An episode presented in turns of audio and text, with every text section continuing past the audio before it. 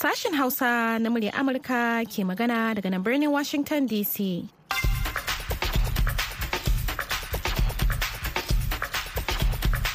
Masu sauraro, Assalamu alaikum. Hadiza kyari ce tare da Alheri Grace Abdu da sauran abokan aiki muka sake dawa shirinmu na hansi a yau ranar Alhamis 26 ga watan Janairu na shekarar 2023. Muna ɗauke da hirar da wakilinmu Abuja Umar Faruk Musa ya yi da gwamnan jihar Jigawa. Abubakar Badaru game da yadda gwamnonin Najeriya suka shiga sahun 'yan ƙasa wajen matsawa gwamnan babban bankin Najeriya Godwin Emefiele na ƙara wa'adin canza kuɗin Najeriya. A Ghana kuma babbar jam'iyyar adawa NDC ta sauya shugabancinta a majalisar dokokin ƙasar. Sai kuma shirin na kasa ba kasawa ba wanda salamin mini barma ya shirya kuma zai gabatar. Daga nan za mu kawo muku muhimmin kanan labaran jaridu daga ƙasar ghana. Amma yanzu sai a gyara zama domin sauraron cikakkun labaran duniya. Jama'a salamu alaikum. Barkamu da hantsi ga cikakkun labaran mai karantawa alheri grace abdu. Al'ummomin jihohin da suka yi fama da hare-haren ƙungiyar boko haram na kira ga shugaban najeriya muhammadu buhari ya sa baki tare da umurta babban bankin ƙasar ya kara wa'adin daina karɓar tsofaffin takardun kuɗi da ke hannun jama'a. 'yan najeriya na ci gaba da misali da irin matsalolin da suke cewa za a shiga idan aka daina karɓar kuɗaɗen yanzu bisa la'akari da ƙarancin sabbin kuɗaɗen a bankunan ƙasar da kuma irin layuka da ake gani a ko'ina. Musamman bankuna da ke jihohin da aka yi fama da har-haren ƙungiyar boko haram kamar borno da yobe da ke fama da ƙarancin bankunan murya amurka ta ji ta bakin waɗansu mazauna jihar borno waɗanda suka bayyana irin ƙalubale da suke fuskanta. Shi shugaba yana tare da wasu jama'a ne keɓantattu a wani gida daban na gwamnati. Kan samu ya fito waje ya tabbata yin waje sun fi yan ciki yawa. Ya fito cikin garin abuja din cikin talakawa ya yi tambaya ko kuma ya sa ya mashi sabayin wannan abu. Sai abin ba haka ba ne kamar yadda yake tsammani a cikin villa. Cikin gari mutane yan kasuwa sun daina karɓan wannan tsohon kuɗi. Kuma idan ka je banki ni da kaina na je banki na cire dubu ɗari shida. A cikin dubu ɗari shida sabon kuɗi ƙwaya uku ne kwata-kwata. Abin ya bani mamaki. Yau da safin nan na fito da naira na ɗari biyar na ba yata ta je ta nemo magi. An ce ba za su karɓi ɗari biyar din ba. Sai dai su bata magin ta dawo da shi idan an samu sabon kuɗi sai a aika masa tun da ya riga ya samu. Al'amarin rashin sabon rashin fitowar sabon kuɗin nan damuwa ya fi covid 19 ma shugaban ƙasa buhari ya yi magana ya ce wata uku ya ba mutane. In mutane suka yi sakaci kaza kaza wata uku to gaskiya bai kai ba. Waɗansu mazauna birnin maiduguri a hirarsu da wakilin mu haruna dauda biyu babban bankin na najeriya dai ya musanta cewa ana fuskantar ƙarancin sababbin takardun kuɗin da kuma watsi da kiraye-kirayen da ake yi na ƙara wa'adin daina karɓar tsofaffin takardun a halin da ake ciki kuma 'yan sandan ciki a najeriya suna gudanar da bincike kan zargin da ake yi wa babban gwamnan bankin najeriya godwin emefiele na yin rubda ciki da faɗi da tallafawa ayyukan ta'addanci da kuma yin almundahana. Sai dai magoya bayan gwamnan bankin sun ce zargin yana da nasaba da siyasa inda 'yan siyasa ke adawa da sake fasalin takardun kuɗin da ya yi. Laifukan da hukumar tsaro ta farin kaya sss take zargin gwamnan da aikatawa sun hada da karkatar da wani shirin bayar da lamuni na biliyoyin daloli da kuma tallafawa ayyukan ta'addanci. Rundunar 'yan sandan sirrin bata bayyana lokacin da ta fara binciken gwamnan babban bankin ba. Amma a cewar wata sanarwar kotu hukumar ta yi ƙoƙarin kawo shi domin amsa tambayoyi tun watan disamba. A ƙarshen shekarar da ta gabata ne babban bankin na najeriya ya kaddamar da sabbin kuɗaɗe da nufin yaƙi da miyagun laifuka da kuma yadda ake sayan kuri'u a lokutan zaɓe lamarin da ya janyo cece kuce 'yan watanni kafin zaɓen watan fabrairu. Wani lauya ya ce an sako wani sojan afghanistan da ke neman mafakar amurka da aka tsare tsawon watanni bayan an kama shi a lokacin da yake ƙoƙarin ƙetare iyaka amurka da mexico. An saki abdulwasi safi da aka tsare a eden texas bayan alkalin ya yi watsi da tuhumar shige da fice da aka yi masa bisa buƙatar masu buƙatar waso masu gabatar da kara na tarayya. Wasu safi ya tsere daga afghanistan ne bayan ficewar sojojin amurka a watan agustan shekara ta 2021 saboda fargaban ɗaukar fansa daga taliban. An kama shi ne a watan satumba bara a kusa da eagle pass texas bayan ya tsallaka kan iyaka ya kuma yi fata a ƙarshe a sake sada shi da ɗan uwansa sami ulla safi wanda yake zaune a birnin houston. To labaran na zuwa muku ne daga nan sashen hausa na murya amurka a birnin washington dc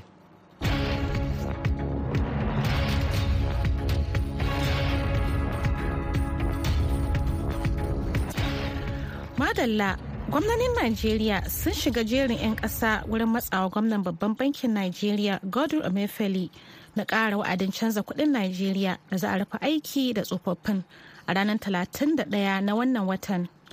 Gwamnan jihar jigawa abubakar badaru ya bayyana wa wakilinmu a abuja umar faruk musa irin gwagwarmayar da ƙungiyar gwamnonin najeriya suke yi akan wannan lalura. Mun gayyace shi ya zo ya wa gwamnoni bayani na magana canjin kuɗi da kuma cewa kuɗin za su zama sun wadata kamar tun satin da ya wuce ne. To duk da haka aka yi kwamiti na gwamnoni da za su je zauna da shi a tabbatar abin yana tafiya.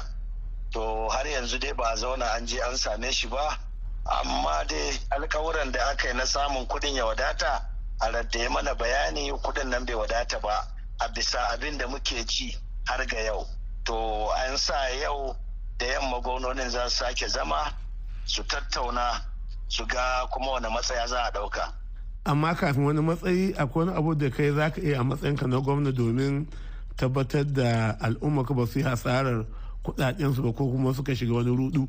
to me zan iya? Ni ma ban ga kuɗin ba balle nema wa talaka na abu ne ya zama wani iri. Lokacin nan ba zai yiwu ba a yanzu. Abin nan ba zai yiwu ba. Mutanenmu na karkara za su yi asara mutuka asara mutanenmu na arewa. Saboda wani bai san banki ba ba ruwan shi da banki. Kuma yaushe zaka ce zaka ba mutum waya waya intanet ya yi banki a ta sace mutane kuɗi? Kuma canjin nan an je babu. A jiya akwai bankin da suka gaya min cewa sun karɓi kuɗi ya fi biliyan ɗaya amma miliyan casa'in aka ba su. Wani banki kuma suka ce miliyan talatin da wani abu aka ba su. A kasuwanni irin wannan a megatari kasuwan megatari kadai sai a yi ciniki na biliyan ɗaya kashi a ranar. Kuma wanda suke kawo waɗannan kayayyakin kaya suke kawa wannan ya ka sansa guda ɗaya wannan ya ka akwai sa guda ɗaya bashi da akawun da zaka bashi kashi yake so ka bashi kuma babu kashin nan. Kuma ina da rahoto akwai wasu garuruwan da wuraren da sun rufe shagunan su ma sun daina sayarwa in ba da sabon kuɗi ba. An shiga masifa an shiga bala'i. Amma za mu tattauna yau da daddare kamar yadda na gaya ma za mu yi magana. Sannan kuma akwai mutanen da aka wakilta za su je su ga shugaban kasa su dada masa bayanin halin da ake ciki na wannan abin domin a samu a daga lokacin nan sai kuɗin nan ya wadata ya shiga hannun mutane. To amma akwai amfani mai yawa game da maganar canji kuɗin nan wanda yanzu in aka ce an canza shi za a shiga cikin wata matsala kuma domin waɗanda suka yi wawure kuɗaɗen gwamnati ba su da hujjar ajiye su gidaje. Kaga yanzu za a ba su dama kenan su ci gaba da fito da kuɗin nan suna sa su bankuna ko? to wa aka ce ma masu satan kuɗin gwamnati suna ajiye ma naira? Da da ita ai da tuni sun fitar. Ba za su bari ba sai wannan ƙarshen lokacin yayi ina kuɗin yake a hannun mutane? Kai kuɗi wanda yake waje yanzu na talaka ne da 'yan kasuwa. Masu ƙananan kuɗi da suke sana'o'insu ba su san banki ba ba su harkar banki. Ba wani wanda ya wa wuri kuɗi da zai je ya gina gida ya zuba naira ya ajiye. Babu shi.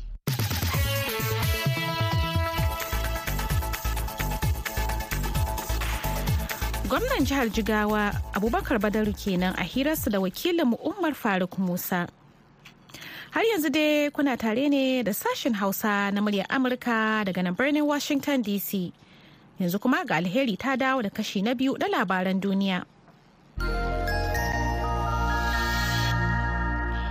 Wani sabon rahoto kan yadda ake gudanar da mulki a afirka na nuni da cewa an samu koma baya ainun a galibin ƙasashen nahiyar afirka a fannin tsaro da demokuraɗiyya fiye da shekaru goma da suka gabata.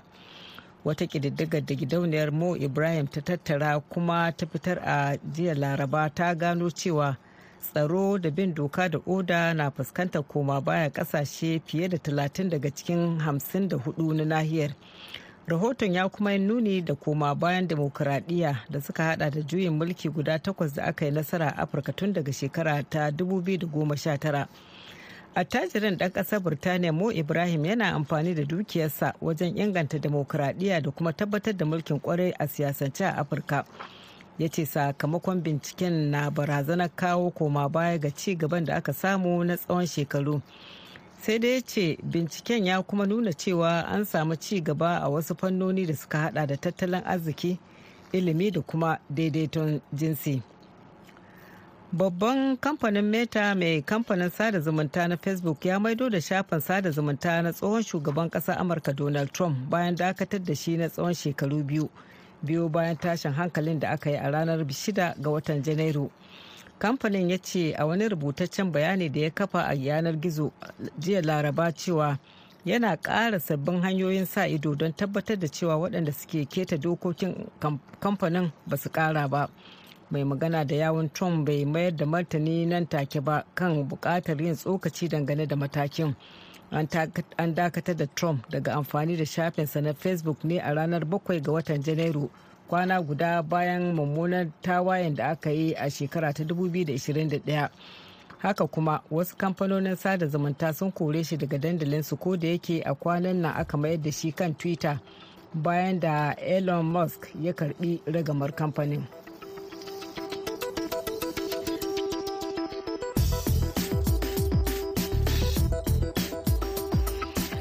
A gaida alheri grace da ta karanto mana labaran duniya daga nan sashen hausa na muryar amurka a birnin washington dc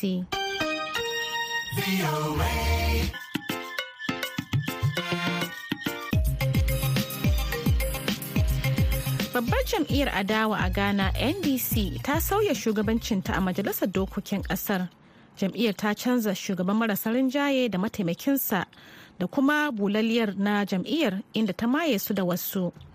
Ga idris abdallah bako ɗauke da rahoton. A cewar jam'iyyar dan majalisa mai wakiltar mazabar a jumako enyam isiyam dr kasiyal atofosin shine zai maye gurbin haruna idrisu a matsayin sabon shugaban marasa rinjaye. Dan majalisa mai wakiltar mazabar elembele kofi amabuwa zai maye gurbin james kluche a viji a matsayin mataimakin shugaban marasa rinjaye. Sai kwame abuja zai maye gurbin muntaka mubarak a matsayin bulaliyar majalisa ko chief whip a turanci tuni dai wasu 'yan majalisar ndc da dama da suka hada da dan majalisa mai wakiltar mazabar bolgata Tanga ta Gabas Dominic Aini da kuma dan majalisar Tamale ta tsakiya Murtala Muhammad suka bayyana sauye-sauyen da cewa bai dace da tsarin dimokuraɗiyya ba domin ba tuntuɓi mambobin marasa rinjayen majalisar ba. Da yake kare hukuncin shugaban jam'iyyar John Asedo Nketiya ya ce saƙon yaƙin neman zaɓen 2024 na jam'iyyar zai mayar da hankali ne kan tattalin arzikin ƙasa. Don haka ya ka yanke shawarar sauya shugabanninta a majalisar. The 2024 election is going to be fought around the economy. So the debate basically is going to be about the economy. Yakin zaɓen 2024 zai kasance ne kan tattalin arziki, muhawarar kan haka za ta kasance. Don haka idan jam'iyyar ku tana da niyyar yaƙin lashe zaɓe, tilas ne ku aje kafafunku ƙasa don samun nasara a muhawarar. Domin haka ne suka sauya lauya Haruna Idrisu a matsayin shugaban marasa rinjaye zuwa masanin tattalin arziki Dr. Kasiyal Atofosin. Wannan dalilin bai samu karɓuwa a wurin mabiya jam'iyyar ba, musamman a mazaɓar tsohon shugaban majalisar da ke birnin Tamale. Abin da ya sa al'ummar Dabon da al'ummar musulmai da yankin Arewa ba mu gane dalilin haka ba. A sai ketiya da babban sakatare fifi ko ke su yi hankali abin da suka yi ba shi da kyau. Su janye hukuncin da suka ɗauka yanzu yanzu mun ba su awa 24 idan ba su janye hukuncin ba za su ga abin da zai faru. Sai dai jami'un sadarwar jam'iyyar na kira ne ga magoya baya da su yi haƙuri. Wannan hukuncin an ɗauka ne domin nasarar jam'iyyar a zaɓe mai zuwa. Ni ne naku mai suna honorable umar sanda muhammad. Assembly member nima research electoral area a yawaso east municipal assembly. Sakiya ne ba abu ne da ya kamata mutane su ga kaman mai yasa aka yi ko ya ba su mamaki ba. Eh ndc muna gwada musu kaman mu muka kawo democracy. Sakiya ba wai mun yi a'a don ba mu son honorable haruna idrisu ko honorable mutaka ba ne an yi sakiya ne saboda kowa ya samu ya gwada ya kawo nashi fasaha. Yasa jama'a da suke cikin party suka nuna damu su samu haƙuri. Ya abin da demokrasi ya kunsa ke sunana hajiya halima mai lakabi hajiya a kuma fa gaskiya dai ni batun sakiyan da aka yi cikin parliament ni ban gani wani laifi ciki ba saboda duniyan ga mu sani fa kowane makami kake da shi wata rana zaka ajiye. Wani ya zo ya doki. Abinda ko gwamnati ana sakewa. Shi yasa menene problem? Muna ta cewa kaman gwamnatin ga tun da ya zo sakiya ya yi mai wuya bai son ya sake mutane. Da da mu mun zo mun yi sakiya ai ai kowa an san kaman kowa na riƙe da position in za a sake shi akwai wuya. But you bite the bitter pill to do that changes. Kowane coach yana yana changes ne saboda ya samu ya dace. Tumin ndc duka? Ba wanga ne important ba. Mu sake mulkin gan da ake yi muna na kiyayyen ga. Rahotanni a hali yanzu na nuni da cewa 'yan majalisa 48 na jam'iyyar ndc sun rattaba hannu kan wata takardar korafi ga shugabannin jam'iyyar akan cewa su janye wannan hukunci na sauya shugabancinta a majalisar dokoki. Idris abdullah bako sashen hausa na muryar amurka daga accra ghana To a gaida Idris Abdullah Bako. Kafin mu kai ga shirinmu na gaba a shakata da wannan faifan.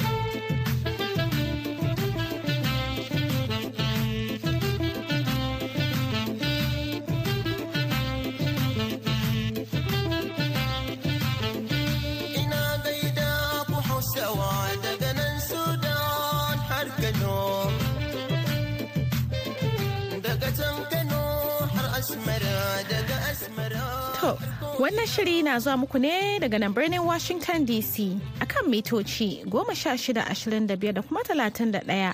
A jamhuriyar Nijar kuma za a iya sauraron mu a tashar mu ta VOA Africa akan mita ɗari da biyu da ɗigo biyar. Baya ga haka a yaushe ake so za a iya zuwa shafukanmu na intanet a voahausa.com, muryaamurka.com ko kuma sashen hausa.com. Kafin mu kai ga shirinmu na gaba ga wannan saƙon. Talakawa ga dama zaɓe yana zuwa dama zaɓi shugaban himma mai tausayawa al'umma Albishirinku masu bibiyar shirin zaɓen Najeriya musamman ma a matakin jihohi. A ci gaba da kawo muku shirye-shirye da faɗakarwa da muke yi kan zaɓen. Daga ranar Laraba ɗaya ga watan Fabrairu za mu fara gabatar muku da rahotanni na musamman daga jihohin Najeriya kan yadda sha'anin ke shafar ɗaiɗaikun jihohi bisa ga yanayin jihar da muka haskaka ta fuskar tarihi, siyasa, zamantakewa da kuma abubuwan ci gaba. Kar ka bari a baka labari a kasance da muryar Amurka duniya tafin hannu.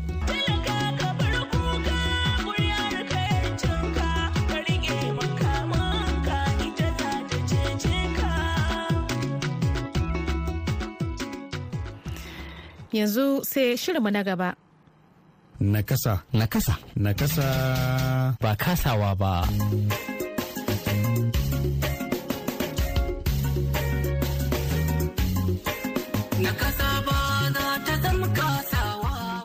Jama'a Assalamu alaikum barkarmu da sake haɗuwa a shirin na kasa ba kasawa ba wanda ke zuwa muku a kowane mako daga nan sashen hausa na muryar Amurka.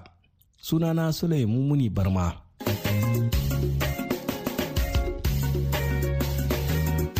Gwamnatin jamhuriyar nijar da asusun tallafin yara na majalisar ɗinkin duniya wato unicef da haɗin gwiwar ƙungiyoyin nakasassu sun fara nazari akan hanyoyin shimfiɗa tsarin katin da zai baiwa masu buƙata ta musamman damar samun sassauci a fannoni da dama na rayuwar yau da kullum irin su sha'anin kiwon lafiya da sauransu.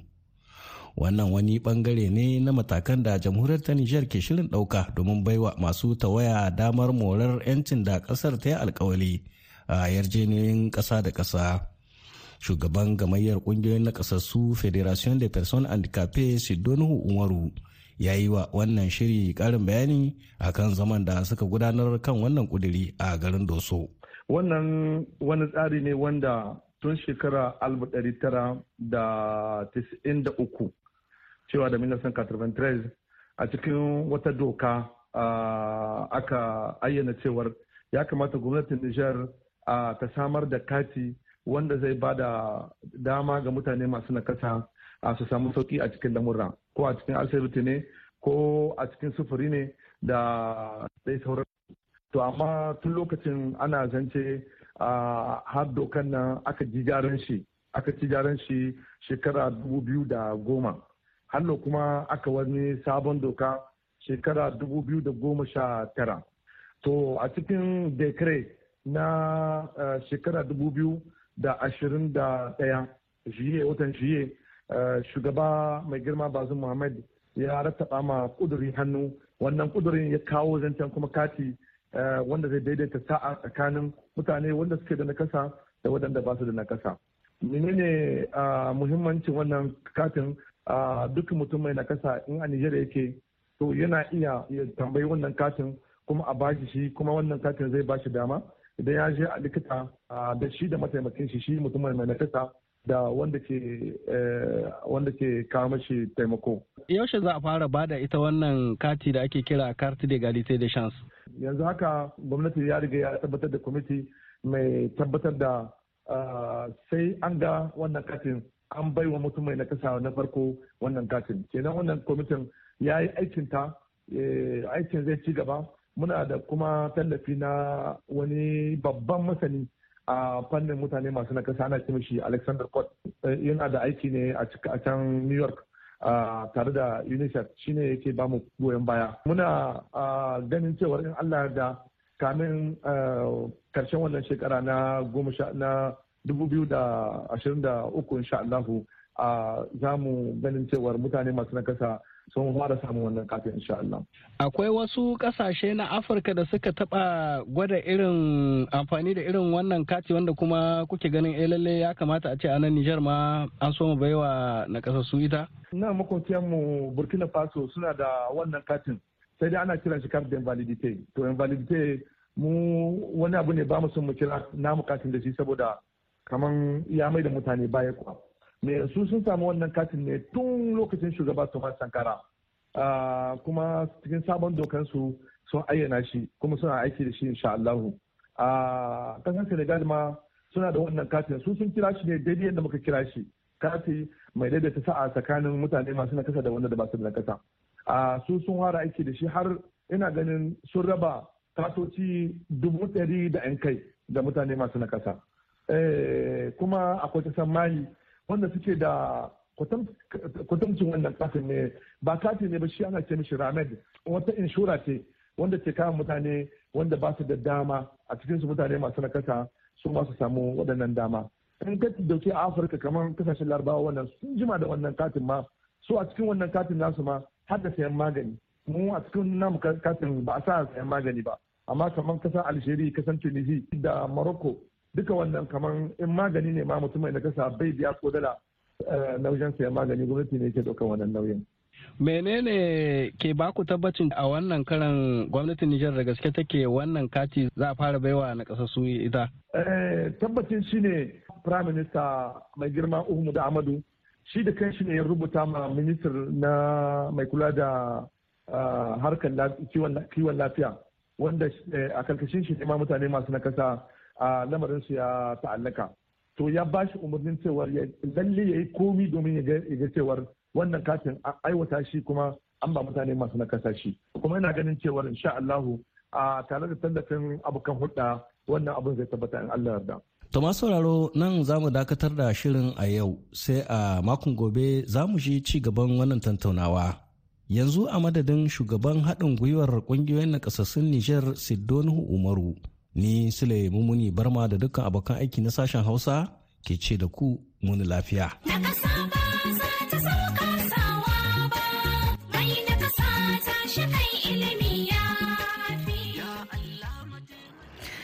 To a gaida Malam Sule yanzu kuma lokaci ne da Ridwan Abbas zai kawo mana sharhin jaridu daga ƙasar Ghana.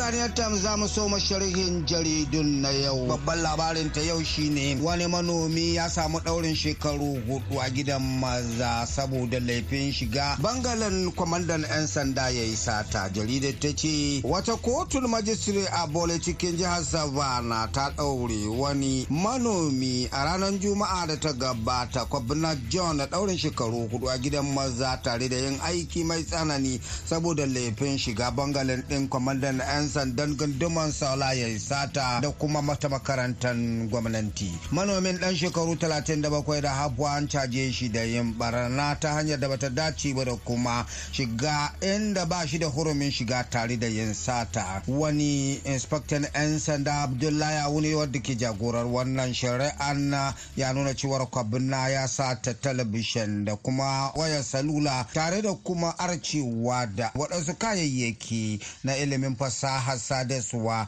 na karamar makarantar sakandaren saula. Sai kuma babban jaridar ƙasar ghana da daily graphic wacce ta ruwaci wannan labarin auditor general ya umarci a kwato kuɗin magungunan covid-19. Jaridar ta ce auditor general ta ba da umarni ga ma'aikatar kiwon lafiya da ta shawarta tare da unicef da avat dangane da zancen rabo na magungunan covid-19 yadda kasan za ta samu sukunin kwato kuɗi dala miliyan 81 wannan ɓangare ne na amincewa da aka yi don yin audita na musamman wato bincike ne kenan dangane da magungunan covid-19 na gwamnati tsakanin watan maris shekara ta 2020 zuwa yunin shekara ta 2022 ka kashe muhammad ne saboda yadda yake yi da kwala afuko wani mai shari'a ne ke faɗawa gire-gire. Wannan a kotu. Jaridar da chronicle ta ruwaito wannan labarin. Jaridar ta ce wani mai shari'a ya faɗa wa wadda ake tukuma a wata babban kotu a nan accra cewa gregory akufo ya kawo ƙarshen tsohon chairman jam'iyyar new patriotic party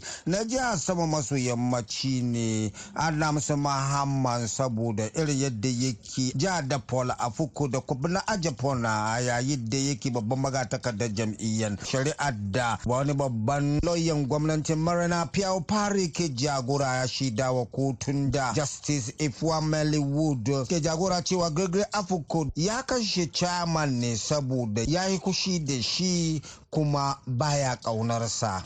Wasu amintattu na aikin gina majami'ar ƙasa ta cathedral sun buƙaci a dakatar da wannan aiki har a gabatar da bincike mai sahihanci. Jaridar da Herald ta ruwaito wannan labarin jaridar ta ce wasu mashahuran malaman Kirista kuma mambobi na hukuma amintattu na aikin gina majami'ar cathedral na ƙasa sun yi kira da cikin hanzari a dakatar da wannan aiki domin tabbatar da gaskiya da amincewa al'umma. Al'umman Ghana. Mutanen guda biyu Archbishop Duncan Williams da Reverend Eastwood da Anaba sun bayyana cewar kiran nasu ya dogara ne akan rudani da ke tattare ko kuma kewaye da wannan aiki. Da wannan muka iso ƙarshen sharhin jaridun na yau. Ridwanullah Muktar Abbas sashen Kausa na muryar Amurka Accra, Ghana.